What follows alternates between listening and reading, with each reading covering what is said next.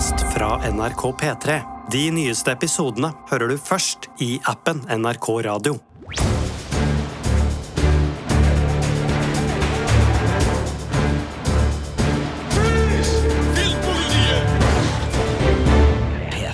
I 2009 tok filmskaperen James Cameron verden med storm med teknologien i sin storfilm Avatar. Eh, filmen var lenge den mest innbringende filmen i kinohistorien, og vi har venta 13 år på oppfølgeren, og nå er den her.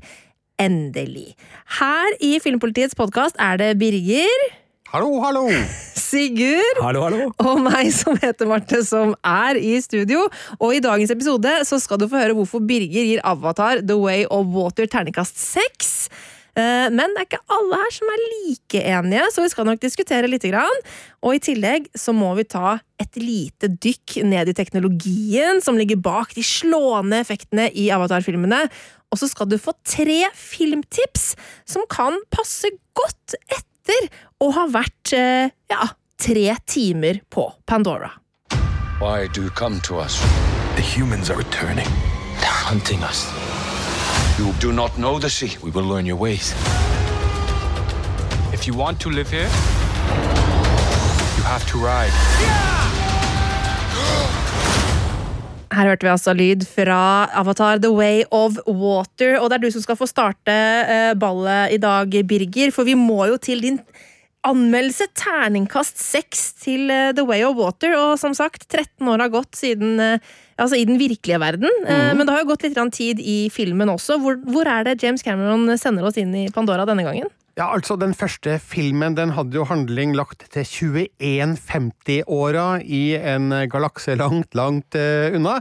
Uh, planeten Pandora er altså um, sentrum for begivenhetene, og i den første filmen så så vi hvordan Jake Sully, spilt av Sam Worthington, som da er et menneske, drar dit for å ta sin avdøde tvillingbrors plass i en avatar, som er en skapning skapt ved hjelp av eh, DNA fra både hans bror og fra planetens eh, innfødte, som er høye, vakre, slanke og ikke minst veldig blå, og som kalles eh, navier, blir det vel, eller navia-a blir det på trøndersk, hvis vi skal holde oss på riktig dialekt her. Eh, så er jo meninga at han skal være en slags brobygger mellom menneskene som er der for å um, få tak i verdifulle grunnstoffer, og de innfødte. Men så blir han eh, overrumpla av den enormt eh, interessante, frodige, fantastiske verden som han kommer inn i. Han forelsker seg, og lojaliteten hans blir jo satt på prøve, og ja, det ender jo med at eh, han rett og slett eh, Han goes eh, Navi 100% og forkaster sin egen menneskekropp, rett og slett. Og hvordan det gjøres, det må du nesten se den første Avatar for å finne ut av. Når tråden eh, plukkes opp her, så har eh, Jake og Neytiri, spilt av eh, Zoe Saldana, stifta familie. De har fått ikke bare tre, men fire barn. Tre egne og ei adoptivdatter, Kiri, som har et kjent moderlig opphav, mens det faderlige opphavet, det er ukjent. Jeg har mine tanker om eh, hvordan det her henger sammen, men det skal ikke vi ta her og nå. Vi skal snakke litt mer inngående om filmen eh, litt seinere. Eh, De lever da et idyllisk familieliv på Pandora, i den her fantastiske dype skogen som vi også stifta bekjentskap med i den første filmen. Men så kommer himmelfolket tilbake, og himmelfolket det er altså menneskeheten, som nå er på jakt etter mye mer enn eh, råstoffene som de var veldig ivrige etter i den første filmen. Eh, De må rett og slett eh, rømme fra det hele etter en påbegynnende geriljakrig mot himmelfolket. Jake og Neytiri drar nordover til sjøfolket i et område prega av hav. De må rett og slett lære seg nye teknikker og levesett for å kun være en del av klanen eh, der nord. De må lære seg å leve i havet på en helt annen måte enn de har gjort fram til nå. Altså, de har vel kanskje ikke hatt befatning med hav i det hele tatt. Og de har heller ikke helt de fysiske egenskapene som sjøfolket har til å mestre havet, slik som de kanskje bør, da. Eh, de lever som sagt i skjul der, men det er flere utfordringer på mange fronter. Det er ikke alle i sjøfolkklanen, eh, som jeg ikke husker navnet på akkurat nå, som, eh, som ønsker dem like velkommen. Og så har de noen farlige, slemme krefter som er på jakt etter dem. Og eh, hvem eller hva og hvorfor, det skal vi heller ikke komme inn på nå, det sparer vi til seinere. Men eh, jeg syns at det her er en fabelaktig film. Jeg ble sugd inn i denne verden med alt den hadde å tilby av inntrykk, av former, av farger, av flora og fauna, og naturen er jo det gjennomgående temaet i Avatar-filmene det, og den henspeiler jo litt på hvordan vi mennesker sjøl eh, behandler vår egen natur, som jo mm. er i krise. Eh, det er også krise på Pandora, men ikke av Navian, for de lever jo i pakt med naturen på en måte som vi bare kan drømme om. Men menneskene som invaderer Pandora, er jo en stor trussel for Pandoras eksistens, eh, forstår vi jo ut ifra den handlinga som trekkes opp uh, her. Uh, og det handler jo om uh, familiebånd, det handler om griskhet, utnyttelse av naturressurser. Det, det, det, er mange spennende historietråder som trekkes opp her, og jeg kjenner at jeg ble, jeg ble grepet av det, jeg ble rørt av det, engasjert og provosert. Samtidig som James Cameron igjen viser at han er en mester til å lage meddrivende action på aller høyeste nivå, i den aller største skalaen. Altså, filmen kulminerer jo i en actionsekvens som er omtrent en time lang, mm. der det er spenningstopp på spenningstopp, og det blir liksom det, det, det, tar så av til de grader at eh, jeg lurer på hvordan kan det toppes nå, og så gjør de det gang på gang på gang denne filmen har så mye å vise oss. Det er en så oppfinnsomhet i det visuelle. Det er en sånn enorm lekenhet da, i hvordan denne verden er skapt. Og verdensbygginga er jo for meg det aller beste med både Avatar 1 og 2. Det at James Cameron presenterer oss for en verden som virker 100% gjennomført, der alle detaljer er på plass. Altså hele økosystemet virker troverdig det er en planet det går an å tro på, og der du på ikke noe tidspunkt aner et spor av noe fra vår, vår egen verden, altså fra den virkelige verden, for enhver detalj i Avatar, The Way of Water, er fremmed, men allikevel litt kjent. Det virker som et eh, system som kan eksistere et eller annet sted på sine premisser. Eh, så ja, den som elsker eskapisme, eh, vil jo bare falle pladask for Avatar The Way of Water. Jeg har levd meg skikkelig inn i denne verden og velger da å være eh, entusiastisk, og så kan andre være kjedelige kynikere. For ja Jeg forstår at det finnes ting her som det går an å krangle på, og det skal vi kanskje gjøre etterpå, men jeg føler at den filmen har så mange enorme kvaliteter som overskygger alt annet, og um, det er, det er ikke mange filmer som ser sånn ut, og som kan tilby alt det den gjør. Og da, for meg, blir det nesten uh, unødvendig å, å, si at ja, litt tynn story, ja.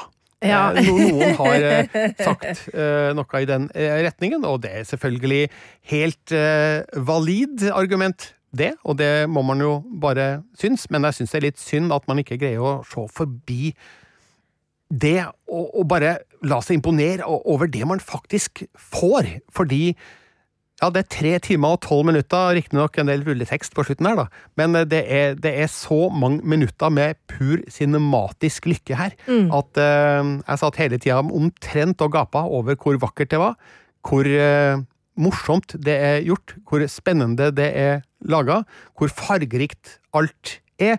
Det er jo et visuelt sirkus for øynene våre, og ja, det, det er ikke mange filmer som har greid å matche det Avatar The Way of Water gjør det siste tiåret, føler jeg, da. Så kan vi diskutere filmens andre kvaliteter og eventuelle mangler, men for meg så er det her et visuelt mesterverk, i hvert fall. Ja, for du skriver jo i anmeldelsen din som man kan lese på p3.no filmpolitiet at eh, hva er det du skriver? Eh, Det er ikke en film, det er en opplevelse.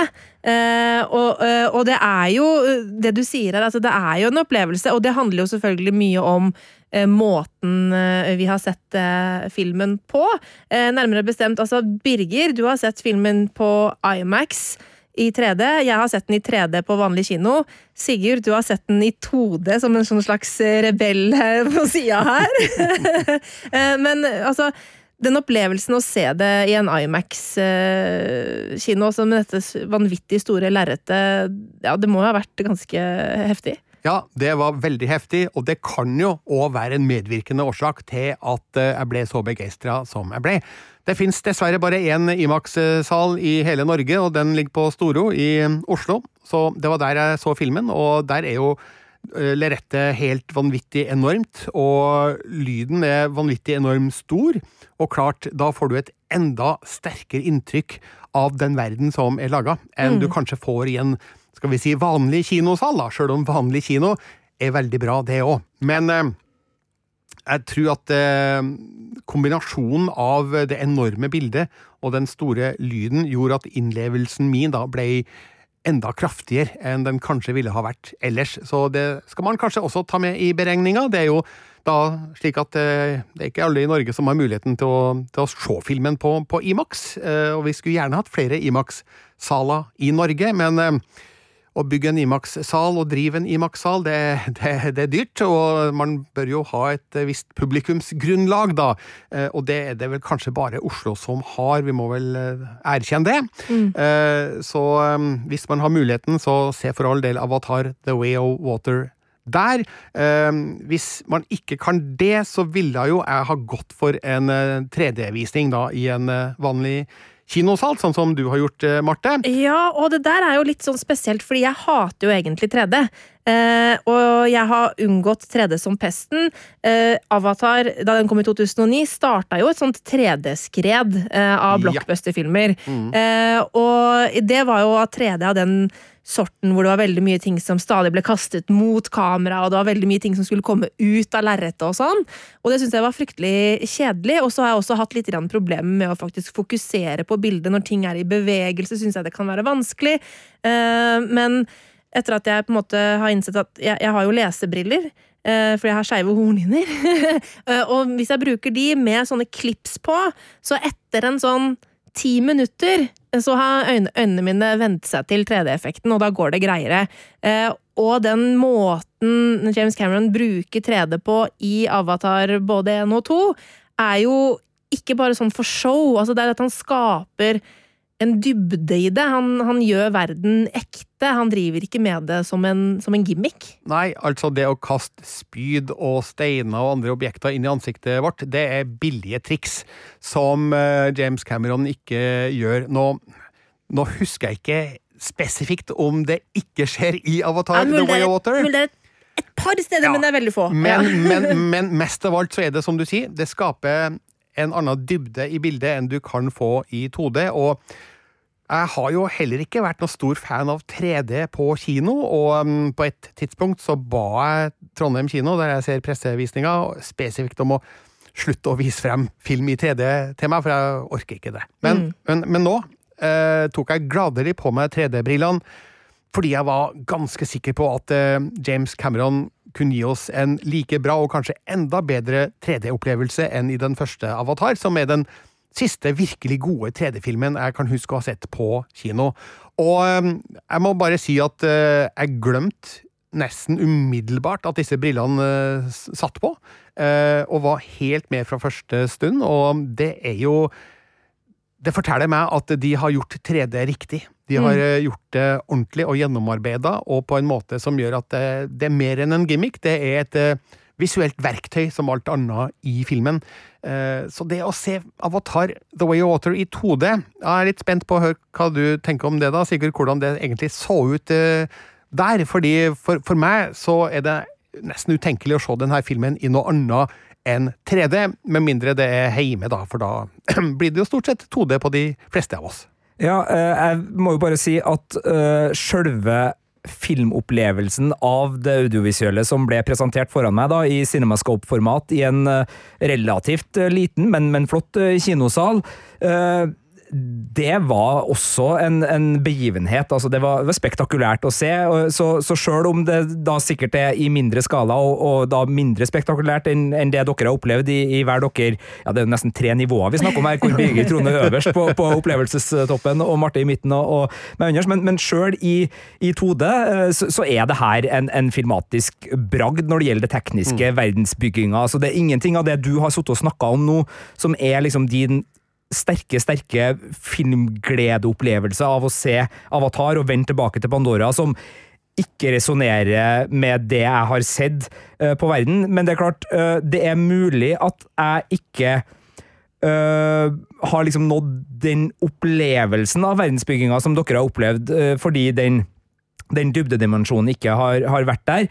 det var ingen plasser jeg tenkte Uh, det her har jeg lyst til å se i tre eller, altså Her er noe som mangler. Det, det, det var ingen plasser jeg, jeg liksom opplevde det. Så, så, hvis du ender opp med å se den i, i 2D, så, så, tror ikke jeg du kommer til å sitte og, og oppleve at du, du, det, det, er en, en D som mangler her. Altså at, at men du vet ikke hva du mister. Men, men, det er jo nettopp det. Altså, du, du, vet jo ikke hva, hva du ikke har. Så, så, den biten er, men det er i hvert fall ikke noe som forringer filmopplevelsen for oss uvitende da, om de, den tredje dimensjonen. Nei, for hvis du da ser Avatar The Way of Water i 2D, i scope-format, altså det aller bredeste formatet på kino, så ser du egentlig bare halvparten av uh, filmen. Mm. Fordi i 2D på vanlig kino, som Marte har sett, da er bildet 1,85 til 1, som uh, på lerretet er smalere, men det er mer informasjon i høyden enn i det scope-bildet som du har sett.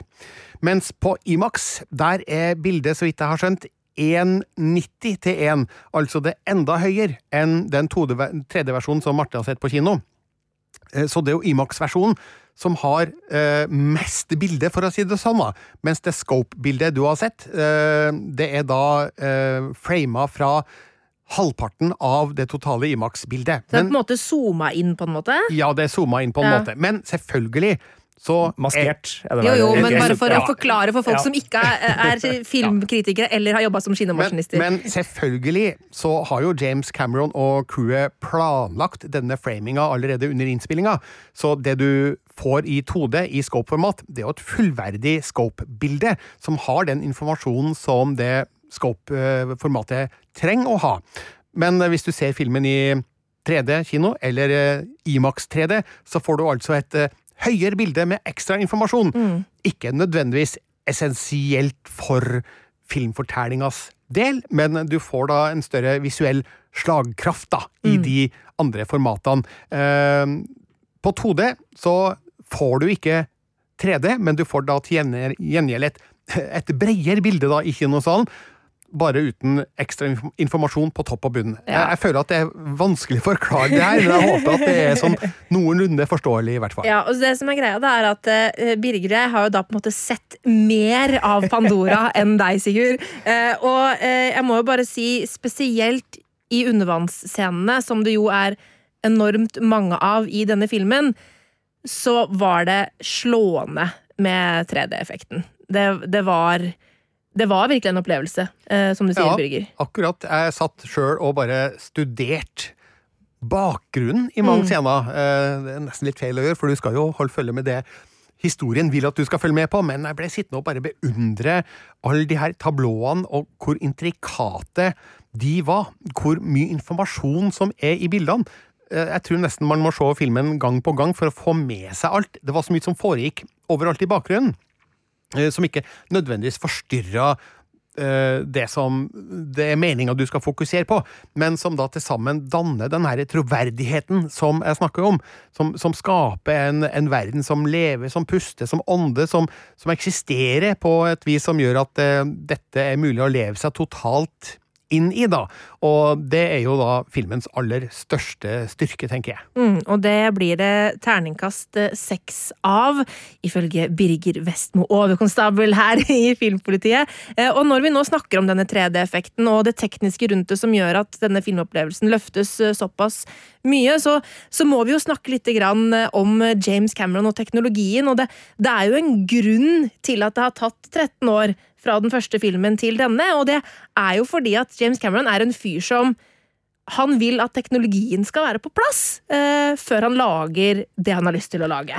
Ja, det er riktig. Han har det ikke travelt med å lage ny film. Det går ofte mange år mellom hver gang, og um, som jeg skrev i anmeldelsen min, så hver gang han kommer med en ny film, så pusher han grensene for hva som er mulig å vise på film, og, og hva som er Altså, Metodene for å lage film også eh, endrer seg jo radikalt, og han er jo en av foregangsfigurene på, på det feltet, og er ikke redd for å ta i bruk ny teknologi, og det har han jo også gjort til gangs i Avatar The Way of Water, eh, som oftest med fantastisk resultat, av og til med et resultat man kan eh, stille spørsmålstegn ved, og da tenker jeg da først og fremst på det som heter HFR, High Frame Rate. Og dette er altså slik at vanlig film vises med 24 bilder i sekundet. Det har vært en standard i mange, mange tiår. Eh, men så kom jo Peter Jackson med sine Hobbiten-filmer, mm. og det var han som introduserte high frame rate, som da viser film i 48 bilder i sekundet, altså dobbelt så mange bilder i sekundet som vanlig kino.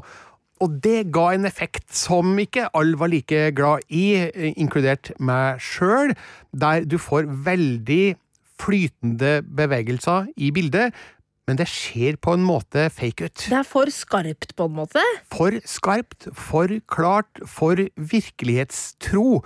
Og det er vanskelig å sette fingeren på hvorfor, men eh, det ser billig ut, mm. på en måte. Det er Kanskje det at vi har blitt så vant til denne lette flimringa i bildet, som 24 bilder i sekundet gir. Eh, men i hvert fall så Hobbiten-filmene de ble skjemma av, eh, av et bilde som så ut som en Dagsrevy-reportasje. Og det er ikke noe stygt sagt om Dagsrevyen, men eh, når jeg er på kino, så vil jeg ikke se Dagsrevyen, jeg vil se kinofilm.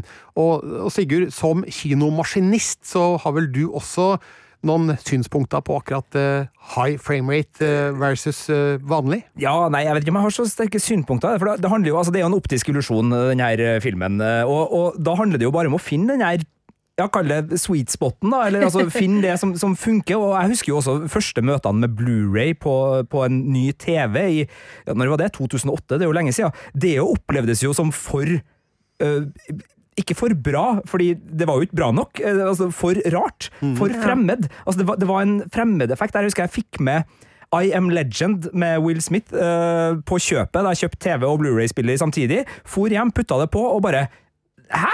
Her, sånn, sånn, skal det jo ikke være. Og, og det er jo den fremmedgjøringa som, som, gjør at det kan gå til. Og så finner man jo ting som gjør at man får utnytta det og høsta den teknologien på best mulig måte. Og spillutviklinga har jo tatt i bruk det her uh, tidligere enn en kinofilmen. Og uh, det, er jo visuelle medier som lærer av hverandre her, så jeg, tror jo at vi vil få mye ut av det framover. Det er spennende. altså Eh, jeg husker det, det, det, sakteste jeg har vist på kino sjøl, det er 18 bilder i sekundet. Det, det gamle stumfilm. Eh, og da handler det om at du har blenderåpninger, sånn at hvor mange ganger kommer det lys på bildet, sånn at det skal oppleves noenlunde naturlig for øyet vårt å se det. Men du ser jo at stumfilmen flimrer mer hvis du ser for seg de gamle stumfilmene. Så, så det er jo hele tida en sånn der eh, et, Prøv å finne Finn den gode tingen, samtidig som 24 bilder i sekundet på, på, kinofilm, altså da kinofilm fremdeles var fysisk, selvfølgelig var, var standarden, og har vært standarden. og uh, har, Så jeg denne uh, utgaven jeg så i 2D, var det i 24 bilder i sekundet? eller var det,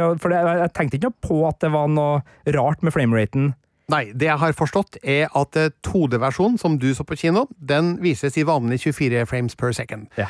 Mens 3D-versjonen, som Marte og jeg så i hver vår sal, den har 48 frames per second, altså high frame rate. Mm. Men det er ikke hele filmen som er skutt i high frame rate. Det er stort sett actionscener det er snakk om, mens alle scener med dialog er filma i 24 frames per second. Og det skal visstnok være for at det ikke skal se uh, for falsk ut. Ja. Uh, for det er visst veldig merkbart i alle scener med snakking, der du ser leppebevegelser til, til skuespillere, uh, eller figurer, da, i Avatar. Så det er alle andre scener da som er filma i high frame rate, men alt vises med 48 frames per second i 3D. Men um, alle scenene som ikke er high frame rate, vises da med doble frames. Sånn at det, det, det er filma i 24 frames per second, men vises i 48. Ikke sant. Eh, men eh, vi har jo vært inne på Peter Jackson, og han var jo også en fyr som eh, var banebrytende da det kom til motion capture-teknologi, i forbindelse med hvordan Gollum eh, var skutt eh, i Ringenes herre-trilogien. Og det var jo teknologi som da James Cameron benyttet seg av, og videreutviklet i den første Avatar-filmen. Eh, vi har jo snakket en del altså Nå kommer denne podkasten her eh, rundt juletider, eh, og på kontoret i det minste så har vi snakket en del om eh, Polarekspressen og den der Uncanny Valley-effekten som, som de fjesene i den animasjonsfilmen har av motion capture. Fordi der er det jo prikker i fjeset som fanges opp, som reflekterer infrarødt lys fra kameraer. Um, og så blir det ikke så veldig bra. Uh, mens, og øyn, øynene ser døde ut. Ja. uh, mens, eh, og det har jo vært den vanlige måten å, å gjøre eh, motion capture på. Uh, altså Du har disse draktene med disse reflekterende punktene på, som sender eh, signaler tilbake til kamera. Um, og så de, bare prikkene i fjesene. Men det James Cameron gjorde i Avatar, var at han i tillegg til prikkene i fjeset satt på skuespillerne en hjelm som hadde et kamera som filmet direkte på ansiktsuttrykkene, sånn at eh, man får med i mye større grad bevegelsene i fjeset på en helt annen måte enn motion capture hadde gjort tidligere. Og det var jo noe som da gjorde at eh, man ikke fikk den Uncanny Valley-effekten i like stor grad. Eh, så, og det så jo helt fantastisk ut, og han eh, var jo med å utvikle nye typer kameraer for å sky skyte 3D. ikke sant? Altså, at det er to kameraer på ett, eh, ett kamera som skyter for det ene øyet, og det andre skyter for det andre øyet, og så sammen settes det sammen til et bilde. Og så har det liksom Og vi ble jo, vi syntes jo det var veldig flott og bra da. Eh, og så har det gått 13 år hvor vi har venta på teknologien. Eh, og det eh, James Cameron da har venta på, er å få til å skyte både 3D og motion capture under vann. Fordi eh, altså, store deler av denne filmen her foregår under vann, og det som er veldig vanlig å gjøre når man er under vann, er jo bare å eh, gjøre det på vaier. Altså Samme som hvis man er i verdensrommet, eller i mange filmer som foregår under vann, så henger skuespillerne i vaier og liksom sånn svømmer rundt i, i lufta i vaier og sånn. Ja. Men James Cameron han er jo gal etter havet. Han elsker jo havet, og elsker vannet, så han ville gjøre det her eh, på ekte vis. Eh, Og da har det vært problemer med det tidligere, fordi måten vannet reflekterer lys på, ødelegger for motion capture. Og de kameraene som har eksistert for 3D under vann, har vært for dårlige. De har vært for grumsete, de har vært for svære og vanskelig å, å jobbe med. Eh, men så er det da rett og slett sånn at det er eh, en fyr da som har eh, utvikla et eh, nytt eh, kamera. Han heter Powell Archell, eh, og har funnet opp da kameraet The Deep X3D. Som da James Cameron har tatt i bruk. Og det, de tekniske spesifikasjonene på det kameraet der, det vet ikke jeg. Hvis man er veldig interessert, så kan man gå inn og se en veldig eh, bra sånn behind the scenes-video på YouTube på uh, en uh, kanal som heter Studio Binder, som er veldig interessant. Eh, men det gjør at han nå kan skyte under vann, og det betyr jo også at skuespillerne har måttet holde pusten veldig veldig lenge, og det var jo stor ståhei her nå da det, kom, da det ble klart at Kate Winslet hadde slått rekorden i hermetegn, for det er vel rekorden for skuespillere da, å holde pusten under vann, til eh, Tom Cruise. Eh, Han hadde seks minutter og noe, og hun hadde da syv minutter og 15 sekunder, var det vel, som hun da har holdt pusten. Så da blir det minst åtte minutter lang undervannsscene i nesten Mission Impossible-film. Sånn at Tom Cruise får tilbake slå tronen. Ja, okay, ja, ja, ja. Nei, men, men, men det er jo bare å applaudere det. Altså, eh, den tålmodigheten, den, Mm. den viljen, og, og ikke minst den posisjonen som James Cameron har, da, som, som lar han få den muligheten til å si jeg venter til teknologien år, er bra nok, for jeg vet hva jeg har lyst til å lage, og jeg lager ikke før jeg øh, får laga det akkurat sånn som jeg vil ha det. Det er, jo, det er jo fantastisk at den type kunstneriske avgjørelser og beslutninger og, og verdier i et så gjennomsyra kommersielt øh, filmlandskap som Hollywood faktisk er på noen hender, da, det, det her gjelder jo ikke alle regissører, men, men noen filmskapere har den muligheten. Ja. Jeg syns også det er helt fabelaktig at han eh, orker å vente så lenge for å få tak i den teknologien. Samtidig som jeg syns at det er helt forferdelig, fordi jeg vil jo at James Cameron skal lage flere filmer. altså, hvor mange, mange filmer kunne han ha fått pressa inn i løpet av de 13 åra? Eh, mens han venta på denne teknologien. Nå har han jo selvfølgelig jobba mye med Avatar-universet, der det jo er planlagt flere nye filmer. Eh, to av dem er jo allerede omtrent ferdig innspilt. Men gud bedre, eh, skal han bruke resten av sin karriere til det her? Jeg hadde håpa på at han kanskje kunne gjøre andre ting innimellom også, da. Men det at han er villig til å vente så lenge som han har gjort, det tyder jo på en eh, veldig bestemt og målretta filmskaper som eh, ikke er villig til å gå på eh, sånn, gjør noen kompromisser da, i forhold til den visjonen han har, og det kjennetegner jo de aller største kunstnerne i ethvert medium, det. Så ære være James Cameron for å ha eh, stå-på-viljen og utholdenheten til å uh, ha en film på lager i så lang tid, da, i påvente av den nødvendige teknologien. Men det har jo virkelig gitt uh, de ønskede utslagene. Kan du ikke forstå annet, for undervannsscenene i The Way of Water er jo helt spektakulære. Du tror jo fullt og helt på at uh, du er under vann, og det er man jo faktisk også i flere uh, anledninger her. Um, det er et eller annet med hvordan man beveger seg i vannet, mm. som man kanskje ikke greier å gjenskape like godt når man henger i en vaier, som du snakker om, Marte. Uh, så det er, det er, fascinerende å se hvordan sjølivet arter seg i denne filmen på planeten Pandora.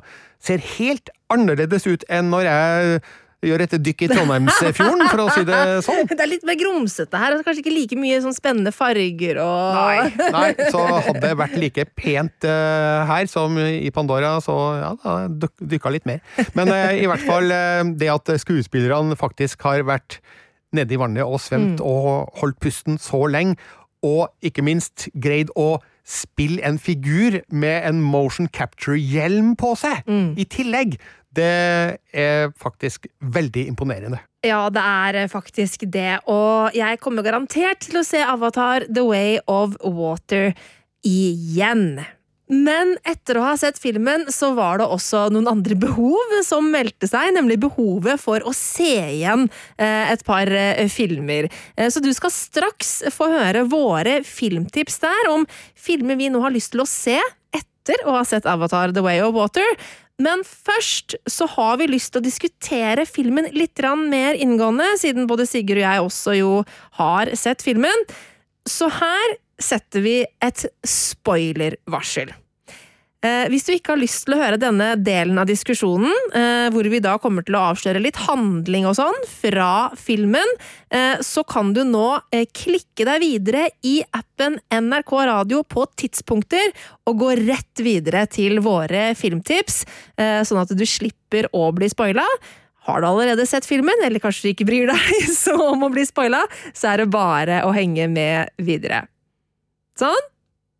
Ok, da da er alle, alle har klikka seg videre som ikke skal, skal høre med det her. Eh, fordi vi har jo vært litt inne på tematikken, eh, Birger. Ja. Eh, det handler jo om store temaer her.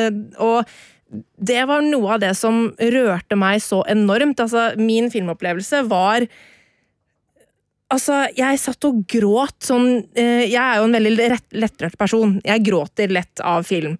Men det er forskjell på på en måte gråte noen tårer og, og, kjenne, liksom sånn, kjenne det sånn dypt inni seg. Eh, og det gjorde jeg eh, med The Way of Water eh, på grunn av hvordan menneskeheten fremstilles. Altså sånn For den, jeg syns den tar oss dessverre eh, ganske på kornet eh, på de mørkere sidene av hvem vi er. Eh, det å stjele ressurser fra andre, det å undertrykke folk. Eh, det og liksom den der egoismen i, i vår egen overlevelse syns jeg filmen eh, speiler veldig godt, eh, og også spesielt vår forakt for naturen, og hvordan vi behandler dyr. Det gjorde så sterkt inntrykk på meg. Altså, når himmelfolket, som da er oss mennesker, igjen da kommer til Pandora etter vet ikke hvor mange år det har gått, om det har gått 20 år eller noe, mm. Eh, så er det jo for å slå seg ned der. Eh, ikke for å hente ut ressurser, men for å faktisk bytte jordklode. Og da sitter du ikke der og tenker 'å, så fint da at Navian får selskap av oss mennesker', det blir jo bra'. vi tenker det, det her er jo katastrofe, og det sier jo kanskje litt om vår egen eh, oppfatning av oss sjøl, da. Vårt eget selvbilde, og hvordan vi mennesker faktisk eh, er en byrde for naturen på enhver planet vi måtte mm, ja, slå oss ned på. Eh, det er mm, en, tankevekker. Mm. At det i utgangspunktet oppfattes som negativt at mennesker kommer til Pandora. Det, det sier sitt.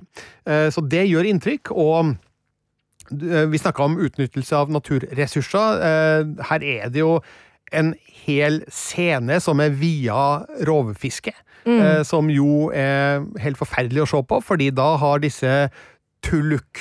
Eh, ja, tulkun. Tulkun, unnskyld, ja. Mm. Da har disse tulkun-skapningene blitt eh, etablert som eh, tenkende, intelligente skapninger, som faktisk da har et slags språk som Navian kan kommunisere med. Eh, må innrømme at eh, helt i starten, når eh, denne brumminga til tulkun ble teksta, så tenkte jeg at ja, er ikke det her litt rart, da, egentlig? Men eh, jeg godtok det, da. For det er så mye annet fantastisk i denne filmen, i det her universet. Eh, Så det, det var noe av det som gjorde inntrykk på meg. Og, og for det andre så eh, ble jeg rørt av familiebåndene som blir skildret skildra her. Altså Jake og Neytiri de har jo da fått eh, tre egne barn. eh, To tenåringssønner, som er da Neteyam, spilt av Jamie Flatters, og Luak, spilt av Britton Dalton. Og så har de ei lita datter som heter Tuck, spilt av Trinity Jolie Bliss. Og så har de da adoptert Kiri, eh, spilt av Sigourney Weaver. Det skal vi komme tilbake til. Men eh, Spesielt da forholdet mellom Jake og de to tenåringssønnene traff jo meg, for jeg har eh, sønner i lignende alder, og kjenner jo godt til utfordringene mm, som gjelder oppdragelse, og hvordan eh, sønner ser opp til far sin, og hvordan faren eh, prøver som best han kan å, forme disse sønnene i sitt eget eh, bilde som best han kan. Kanskje eh, lykkes han med noe, kanskje feiler han på andre vis. og Nå, nå har ikke jeg en militær bakgrunn som Jake Sully har, og kjører ikke en sånn strekt kommandostil i, i, i min fars rolle. Det er ikke yes sir hjemme hos deg, liksom? Ikke noe yes sir, eh, men eh, like fullt så syns jeg at det her var et av filmens bankende hjerter, da, som, eh, som rørte meg, og som mm. gjorde meg engasjert i disse figurenes eh, skjebner. Um, Dattera Tuk eh, Jeg husker ikke så mye av Hun var jo et skjønt vesen, hun, men, men men eh, adoptivdattera Kiri var jo et kapittel for seg sjøl, for hun fremstår jo som et eh, et, et barn av Pandora på flere vis. Eh, hun spilles jo da, som sagt, av Sigourney Weaver, eh, for de som alle som hører der, har jo sett filmen. Ikke sant? Ja, ja, Eh, eh, vi får jo vite at eh, hun er født av eh, avataren til Grace, eh, doktoren som Sigourney Weaver spilte i den første filmen, men som da dessverre døde i et forsøk på å overføre sjela hennes fra hennes egentlige kropp til en avatar. Men så har hun da Kroppen, Den avatarkroppen lever videre. ja, og har da på et eller annet mystisk vis født ei datter. Men avatarkroppen ligger i dvale, mens dattera er da adoptert av Jake og Neytiri. Tiri. hvem faren er, det, det er ikke kjent, blir det fortalt, men jeg har jo mine Det er jo ikke en far, det er jo to mødre! Ja. Det er jo eh, moder jord, holdt jeg på å si. Eller er Eiva, ja. Eiva må jo være moren eh, her, tenker jeg. Eh, Det er veldig mye som tyder på det. Det blir jo ikke noe konkret eh, svar på den gåten i denne filmen, men jeg føler jo at eh, Kiri skal være med oss i flere avatarfilmer fremover. Så det var en interessant figur å stifte bekjentskap med. Sjøl om jeg i anmeldelsen min stiller jo spørsmål om eh, Eller jeg skriver at det er jo bare rart å høre ei tenåringsjente ha en 70 år gammel røst. Ja, men for det, det, tenkte, det tenkte jeg da jeg så filmen, at eh, jeg syns ikke røsten hennes var 70 år gammel. Jeg, jeg syns at hun hørtes ganske ung ut.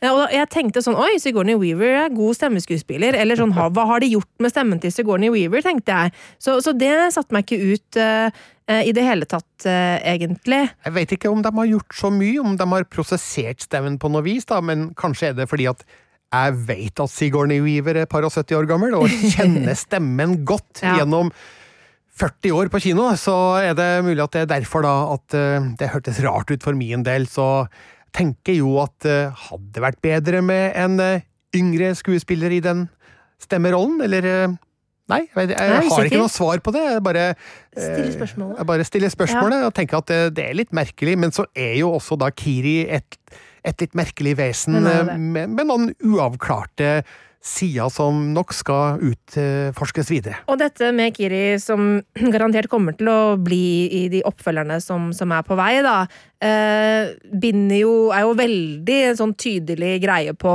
eh, hvordan Naviene er kobla opp mot Ava-planeten, og at eh, dette her er ikke bare et økosystem hvor folk lever i pakt med hverandre. Det her er eh, et økosystem hvor ting er nært forbundet og puster og lever sammen på en helt annen måte enn her på jorda. Og eh, det er også noe av det som, som rører meg sånn. Jeg, jeg vet ikke hvorfor det gjør det, men eh, den derre direkte kontakten med naturen, den gjør så dypt inntrykk på meg.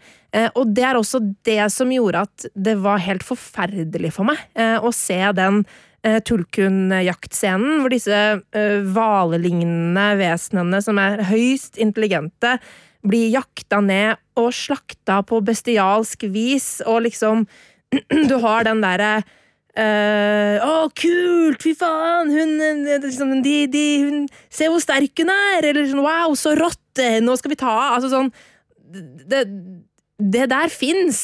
Uh, altså sånn, den type jakt fins, og det er liksom Nei, det var skikkelig vondt, og at den kalven også døde as faen. Jeg begynner nesten å grine av å snakke om det. Jeg synes det, det var så traumatisk. Jeg synes det var helt forferdelig. Ja, men det, det, var, det var en stygg scene, absolutt. Og klart, de er litt karikerte, da, disse fangstkara i uh, dette fartøyet som vi ser i, i løpet av filmen.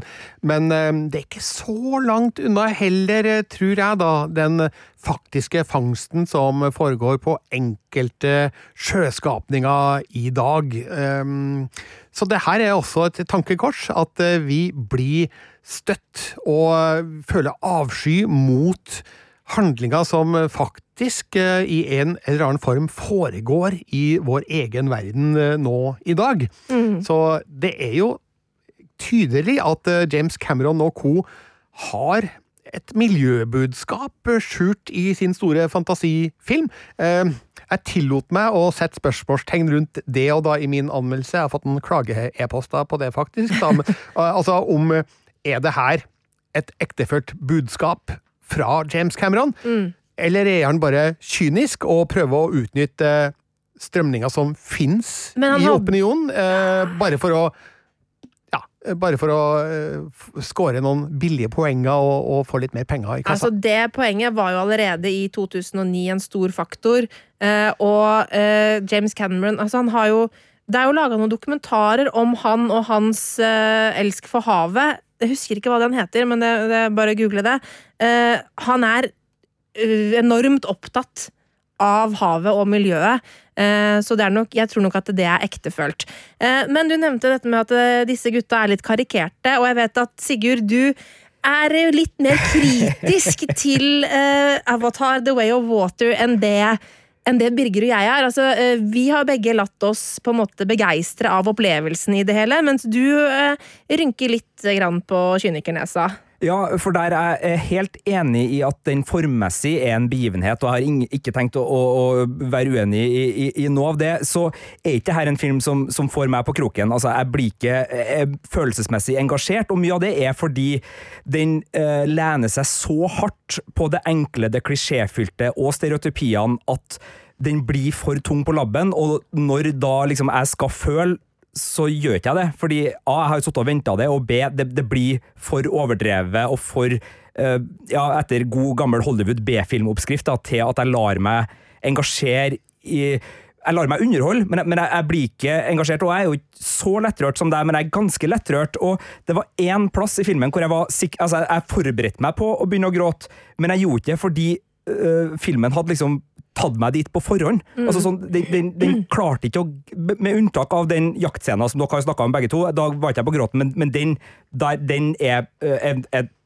en skikkelig sånn øh, den, den, blir, den er en minneverdig og, og forferdelig opplevelse, men, men, utover den så var det veldig lite som, som klarte å, å, å, å, få meg med. Og jeg syns jo problemet da med å gjøre skurkene så karikert, er at du gjør dem så endimensjonal at alle er enige om at de er skumle. Altså, jeg kunne ha innreda stua mi som en havfangstskute og dumpa to liter råolje i hagen min hver dag, og likevel synes at de er slemme. Fordi de er så fundamentalt slemme. Det er liksom ikke noen nyanser i det. Det er ingen, det er ingen diskusjoner å ha. Det er ingen ting å oppleve der, så det gjør for meg at det blir litt sånn følelsesmessig fattig da, å, å, å kjenne på det sjøl. Altså, det blir litt sånn redusert til klistremerker sånn, mot hvalfangst, for naturen. Altså, det, det, blir veldig sånn overskrifts... Men, men, jeg skjønner jo at den gjør det, men, men jeg, jeg, klarte ikke å bli revet med og grepet av det på den måten som jeg som, som, ville ha gjort at jeg hadde fått en mye sterkere opplevelse av en sånn her film. For jeg syns jo det er altså, altså, jeg er jo ikke følelsesmessig uh, lamma, og, og at jeg ikke Men, men, men jeg syns filmen blir for, for enkel til at jeg, jeg bryr meg. og, og her hjelper det jo ikke med ganske klisjéfylt dialog, ganske mange stereotypier i mange lag, og, og en fortellerstemme som hele tida skal liksom holde meg i handa og sørge ja, for at jeg hele tida var litt sånn sporadisk. Den ja, kom litt sånn innimellom. Det var litt rart. Jeg hadde ikke noe sansen for den. Men uh, vi er jo bak et spoilervarsel her nå, så du kan være litt tydeligere i, i din kritikk. Altså, jeg vet jo at du det er jo mer enn Det er jo én spesiell skurk som kanskje du hadde sett at eh, altså, ikke var med? Okay, da må vi bare si det. Altså, filmen starter jo med de store linjene. altså Kolonisering er det nye. altså Der film nummer én handla om at det var mineraler og, og grunnstoffer de skulle, skulle, drive gruvedrift, rett og slett, for, for, å ta ting tilbake, så er vi nå eh, et sted hvor jorda er på utkikk etter kolonisering. Og Vi, vi får en, en tilsynelatende hovedskurk, og, og, det skal jo komme flere filmer, så jeg antar at det her er en, en etablering av en grunn, som da uh, har ansvaret for det her. Men filmen reduseres jo ganske kjapt til å være film nummer én om igjen med akkurat den samme skurken som jager akkurat den samme medsoldaten som har svikta han, bare på et nytt element. Og det òg mm. tar jo veldig mye bort fra Avatar to for meg som filmopplevelse, fordi at det ikke er en oppfølger som Det, altså, det er så mye spennende i starten her. Jeg blir litt sånn Oi, kolonisering! Å, så, så, så vanvittig kult! Det her blir Det, det er sci-fi, liksom. For første filmen var jo en, en grublegod sci-fi-film som ja, var Danser med ulver og eh, en del westernfilmer om igjen, men, men hele liksom Avatar-opplegget, hele forbindelsen Jake Sully etter hvert da fikk til Uh, jorda, og, og, hvordan han bytta ut den elektroniske tanken sin med å faktisk bli integrert, uh, sånn at menneskekroppen hans ligger inni jorda, mens avataren hans fungerer i den forbindelse. Altså, det var jo mm. så mye tankegods der som var spennende, mens denne toeren Sorry, ass. Det er en ren blockbuster B-film i handling på mange plan. Altså Den hevnhistoria med at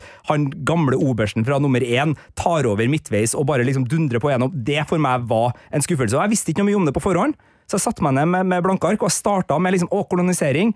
Her var det, det er jo hun fra Sopranos ikke det, som spiller general. Ja. ja.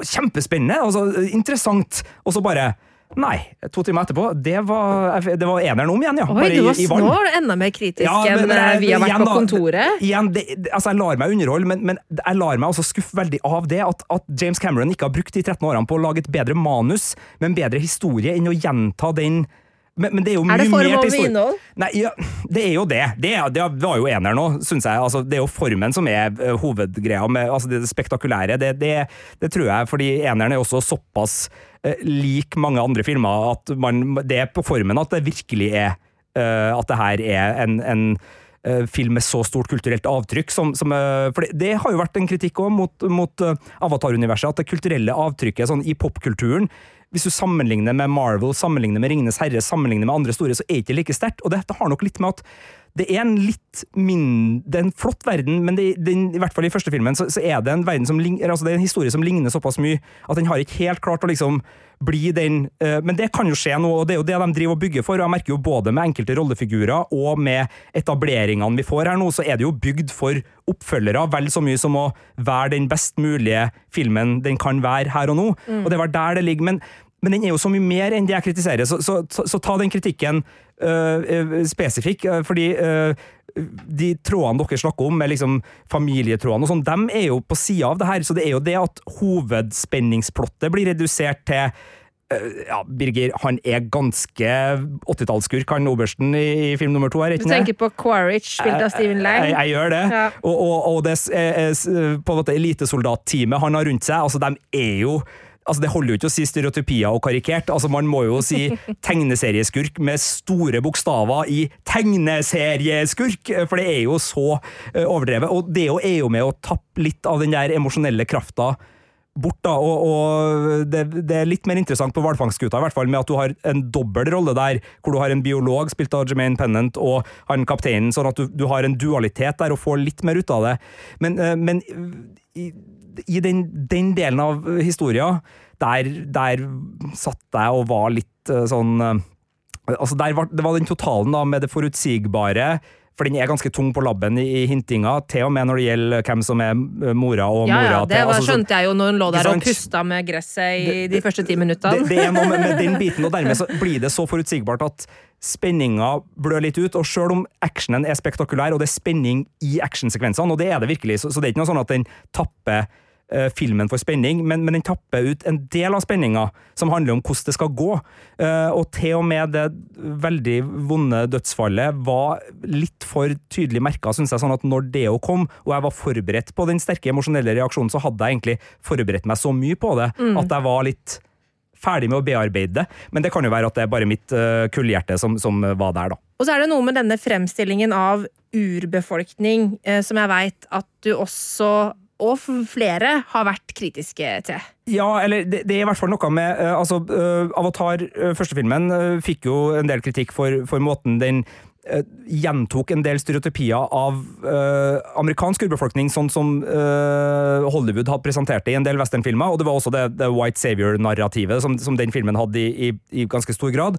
Uh, og eh, i den tida som har gått imellom, så er det jo eh, ganske mange som har tatt et oppgjør på en måte med de stereotypiene i Hollywood og, og i filmer og, og serier, som, som da ønsker å nyansere, og som ikke ønsker å liksom lene seg på de stereotypiene som, som kan være skadelige, og som reduserer eh, nordamerikansk eh, urbefolkning. Og der er det litt overraskende å se at altså, Det er jo ikke noe sånn at jeg tror James Cameron har villa det her, men det er fremdeles, hvis, i hvert fall hvis man, man ser etter det, så ser man at det er liksom det, det er Spirit Sisters, altså Spirit Animal, som da blir en sånn totemgreie. Det, det er noe med måten uh, for eksempel eh, krigsrop ropes på, og det er noe med måten uh, medisinbehandling framstilles på, som, som har røtter da, i uh, gamle westernfilmer også, og som da, dermed kan bli, bli sett på som eh, lite progressiv, og som da ikke et oppgjør, men heller er kanskje da en, en videreføring av en del sånne stereotypier, og det er jo litt overraskende i, i 2022 å, å se på film, men jeg tror ikke James Cameron har gjort det her med noe, noe ønske om å øh, være ignorant, øh, men, men, det er også en del av filmen. Og, og hvis man leser en anmeldelse som øh, Walter Chaw, som er filmkritiker, har skrevet på filmfreakcentral.net av denne Avatar 2, eller Way of Water, så går han ganske i dybden på, på hva han mener er problematisk med filmen i, i så henseende. Ja, Det er jo veldig interessant, og det er jo noe med at uh, man kan jo bli blind. Uh, har, vi har jo blindflekker, eh, og det har filmskapere også, eh, og da er det absolutt en interessant debatt å, å, å diskutere akkurat det. Eh, nå har vi snakka godt og lenge om Avatar The Way of Water, eh, men det var noen filmer som meldte seg eh, hos eh, oss eh, etter at vi hadde sett filmen, som man får da lyst til å se igjen. Eh, så nå skal du som hører på få eh, et tips fra hver av oss eh, til ja, kanskje en film som enten har litt lignende tematikk, eller kanskje en film som James Cameron har laga tidligere. Eh, og vi skal eh, begynne med sistnevnte, og det er det Birger som har tatt med seg. Like a dance of light. It was the most beautiful thing I've ever seen. I don't think they mean us any harm. I don't know how I know that. But we all see what we want to see. Coffee looks and he sees hate and fear. You have to look with better eyes than that. Hva var det vi hørte lyd fra her, Birger? Det her er fra filmen The Abyss, som kom i 1989. Regissert av James Cameron, og med handling lagt for det meste under vann. Og det her er jo selvfølgelig da en slags forløper til Avatar The Way of Water, i måten han skaper spenning under vann på. I møte med eh, litt uvanlige krefter, kan vi si, for det opptrer også i eh, The Abyss. Eh, Der spiller Ed Harris, Mary Elizabeth Mastrantonio og Michael Bean de viktigste hovedrollene som et oljebåreteam under vann, som har en ulykke, kan vi si det, da, som eh, fører dem ned i den dype Mariana-gropen, og nedi der finner de noe. La oss ikke si mer enn det. Men eh, filmen har faktisk eh, et eh, miljøbudskap bak eh, ganske spennende science fiction-relatert undervannsaction. Og eh, den filmen var jo banebrytende i sin tid for måten den ble innspilt på, i en svær vanntank i Mexico, der skuespillerne eh, var nedi vannet på ordentlig med dykkerutstyr fullt sikkerhetsoppbud og også flere lange perioder med å holde pusten. Eh, spesielt Mary Elizabeth Master Antonio fikk eh, merke det veldig godt. Og eh, en film som eh, har et eh, klart spenningsmoment som holder seg levende gjennom hele filmen. Men det som er spesielt med The Abyss, er at det finnes to versjoner av den. Det finnes eh, den vanlige kinoversjonen, som alle så da, på kino i 1989, men så finnes det en utvida versjon som legger til et veldig, veldig viktig subplot, som gjør hele filmfortellinga mye rikere og viktigere. Oi. Og det er dessverre slik at The Abyss har vært utilgjengelig i veldig mange år. Ja, du kan kjøpe den på DVD, men den har aldri hatt en HD-release. Den har ikke blitt sluppet på strømming, ikke på Blu-ray og ikke på 4K UHD Blu-ray, men nå, rett før premieren på Avatar The Way of Water, så var en fransk journalist eh, snartenkt og spurt James Cameron om eh, The Abyss eh, kommer på Blu-ray snart, og da kunne Cameron fortelle han at ja, han har en ny master klar, og den skal slippes på fysiske medier, og sikkert også på strømming, da senest mars neste år. Og da håper jeg virkelig at det er den utvida versjonen som uh, slippes, kanskje begge for alt jeg vet, da. Uh, sånn at uh, vi kan se forløperen til Avatar. The Way of Water. På en måte forløperen, i hvert fall. da. En briljant film, kjempespennende, og med banebrytende effekter, som er en blanding av ekte ting og datagenererte effekter som var helt nye og ferske den gangen, i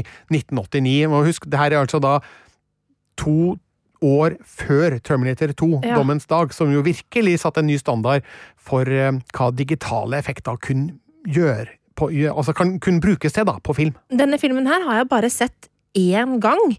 Ehm, men jeg husker at jeg syns den var helt utrolig spennende.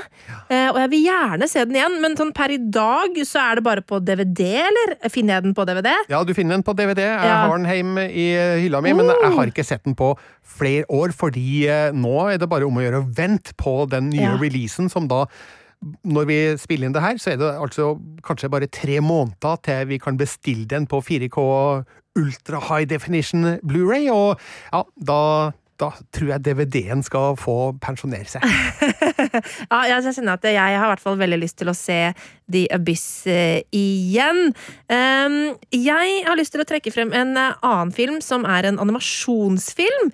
eh, og den eh, er rett og slett en film som handler om dette med mennesker som tar eh, ikke tatt Arntun på alvor, som eh, driver rovdrift på ressurser, og som ikke forstår dyrene som lever i den. Så det er veldig eh, mye på den samme tematikken som er i Avatar-filmene, eh, men så er det også noen helt konkrete eh, ting som jeg tror kanskje James Cameron har vært litt inspirert av, som jeg syns går igjen eh, i, i denne filmen her. Og eh, dette er en ganske gammel film, så jeg har ikke noe trailerlyd fra den, for det var rett og slett for dårlig kvalitet. Men la oss høre litt på denne musikken her.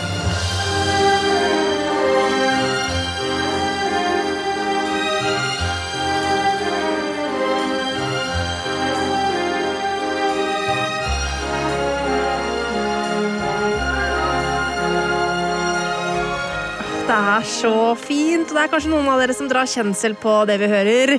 Joe Hisaishis fantastiske musikk fra den aller første filmen som kom fra det japanske animasjonsselskapet Studio Ghibli.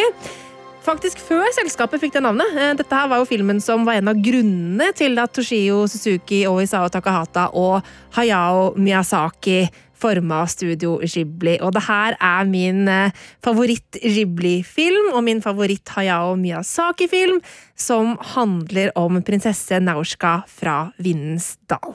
Eh, Og den har jo akkurat med mye av den der samme tematikken som går på at det er øh, vesener øh, på kloden som ønsker å beskytte naturen som menneskene har ødelagt. øh, men vi mennesker forstår ikke det.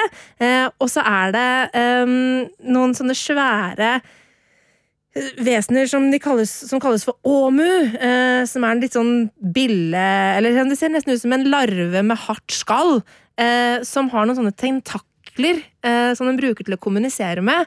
Og de tentaklene er helt like som, som eh, tentaklene til Spirit-treet i eh, Avatar-filmene.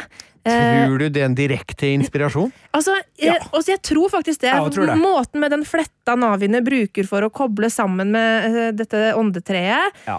det, jeg tror det er en inspirasjon, faktisk. For det er såpass likt, og det er såpass det brukes til å kommunisere på litt samme type måte, og sånn, så jeg tror kanskje han er inspirert akkurat, eh, akkurat her. Ja, jeg syns det er flere deler av verdensbygginga i Avatar som er uh, definitivt original, men som, som ligger litt uh, og henter sånn eh, motiv og ideer og, og, og stemninger i, i tekstur og alt. Det er veldig svevende, det jeg prøver å si, noe, men det er noe Miyazaki og Ghibli over en del av verdensbygginga. Jeg syns jo bare de, de første møtene vi får når Jake Sully blir kall det utvalgt uh, av uh, moder jord eh, i den første filmen, der også sitter jeg jo umiddelbart med en sånn det her er uh, Ghibli. Det her Ja. er Miyazaki sin, sin verdensforståelse.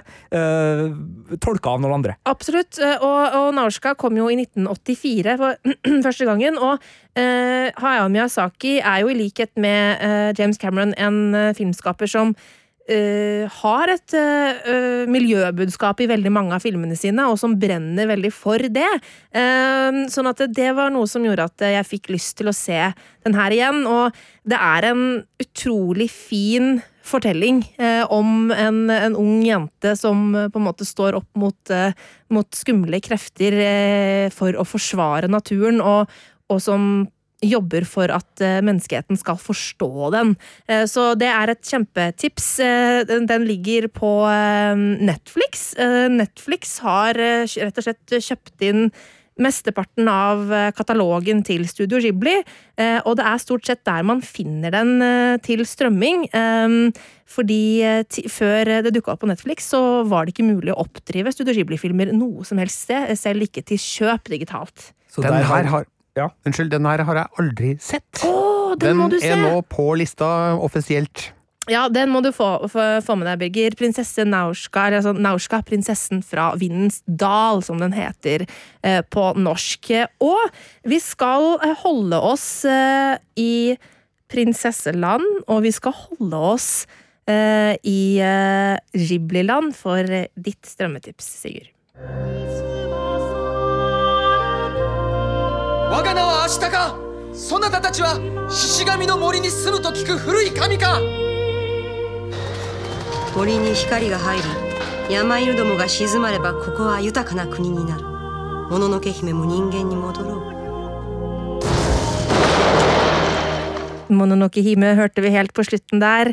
For hva er tipset ditt, Sigurd? Det er Prinsesse Mononoke, eh, som også da er en nydelig animasjonsfilm fra uh, Hayo Miyazaki og Studio Ghibli, som eh, er fra 1997, så den er litt nyere enn uh, den du har valgt, men den har jo også i likhet da med, med øh, Naorska, øh, motiver som er veldig lett å kjenne igjen, og handling som det også er lett å kjenne igjen her i det Avatar The Way of the Water var filmen som, som sendte oss ut øh, i, i jakt etter inspira øh, inspirasjon og, og gjensynsglede. Uh, og her er det industri mot skogens liv som er det, det store temaet. Uh, den unge Ashitaka uh, blir forgifta da han forsvarer landsbyen sin mot en rasende demon, og setter ut på en reise for å finne ut hvor denne ondskapen som da blir opplevd, kommer ifra, og finner da en skog som trues av en gruveby som er på jernmalmjakt. Og eh, Skogen da er hjemmet til flere dyreguder som da har begynt å, å hate menneskene for ødeleggelsene som menneskene da skaper i, i jorda. Så, så, der ligger jo veldig mye tematikk her som, som eh, deles. Men det jeg syns er interessant, da, og, og, det går jo litt på, på min opplevde kritikk av Avatar 2 òg, er at her, i stedet for å velge side i konflikten, så lar Miyazaki, hovedpersonen uh, Ashik Tekaka, finne venner i begge leirer. og det, det, det gjør liksom noe med, med, hvem som er slem og hvem som er snill, fordi den viser liksom det komplekse i det, at vi er alle i samme båt. Vi, vi må finne hensyn, vi må finne forståelse. altså Den er mye mer opptatt av å liksom uh, fokusere på den biten da, enn det uh, Avatar er jo det også, men den er enda veldig langt fra hverandre. Jeg håper jo i videre filmer at, at den felles forståelsen kanskje vil dukke opp som et sentralt tema i Avatar-filmene, men, men, i Mononoke så er den i hvert fall det. Altså det der med å skjønne at det her er ikke noe oss mot dem. Altså det, det, er ikke noen, det, altså, det er ikke noe vinning her, med mindre vi finner en løsning. Altså Det budskapet er veldig sterkt i, i Mononoke, mm. og det syns jeg er et veldig viktig budskap å, å finne. og det å liksom ikke eh, dytte hverandre til sidene, eller gå til krig mot hverandre, men, men, men prøv å liksom bare få hverandre til å forstå. Mm. Eh, si fra. Uh, og, og, den biten er ja, og, og, den er jo så magisk vakker, og det er, så nydelig musikk, og det, altså, det er terningkast seks over hele linja, det her også. Uh, så, så, så, det er en, en, kjempefilmanbefaling. Jeg hadde litt lyst til å ta The Day After Tomorrow, selvfølgelig, som ligger på Disney Plus, som er min foretrukne katastrofefilm, som handler om uh, klimaproblematikk. Sånn går det, sånn hvis dere ikke hører ja. etter! Så, så, den ligger der som et sånt sidetips, ligger altså da på, på Disney Plus, men, men det ble prinsesse Mononoke som, som da er ja. Det er veldig gøy at uh, både du og jeg uh, umiddelbart uh, tenkte på hver vår Ghibli-film etter å ha sett Avatar The Way of Water, men det er jo kanskje naturlig, da, fordi at det er filmskapere som har mye av den samme, det samme budskapet som de ønsker å formidle.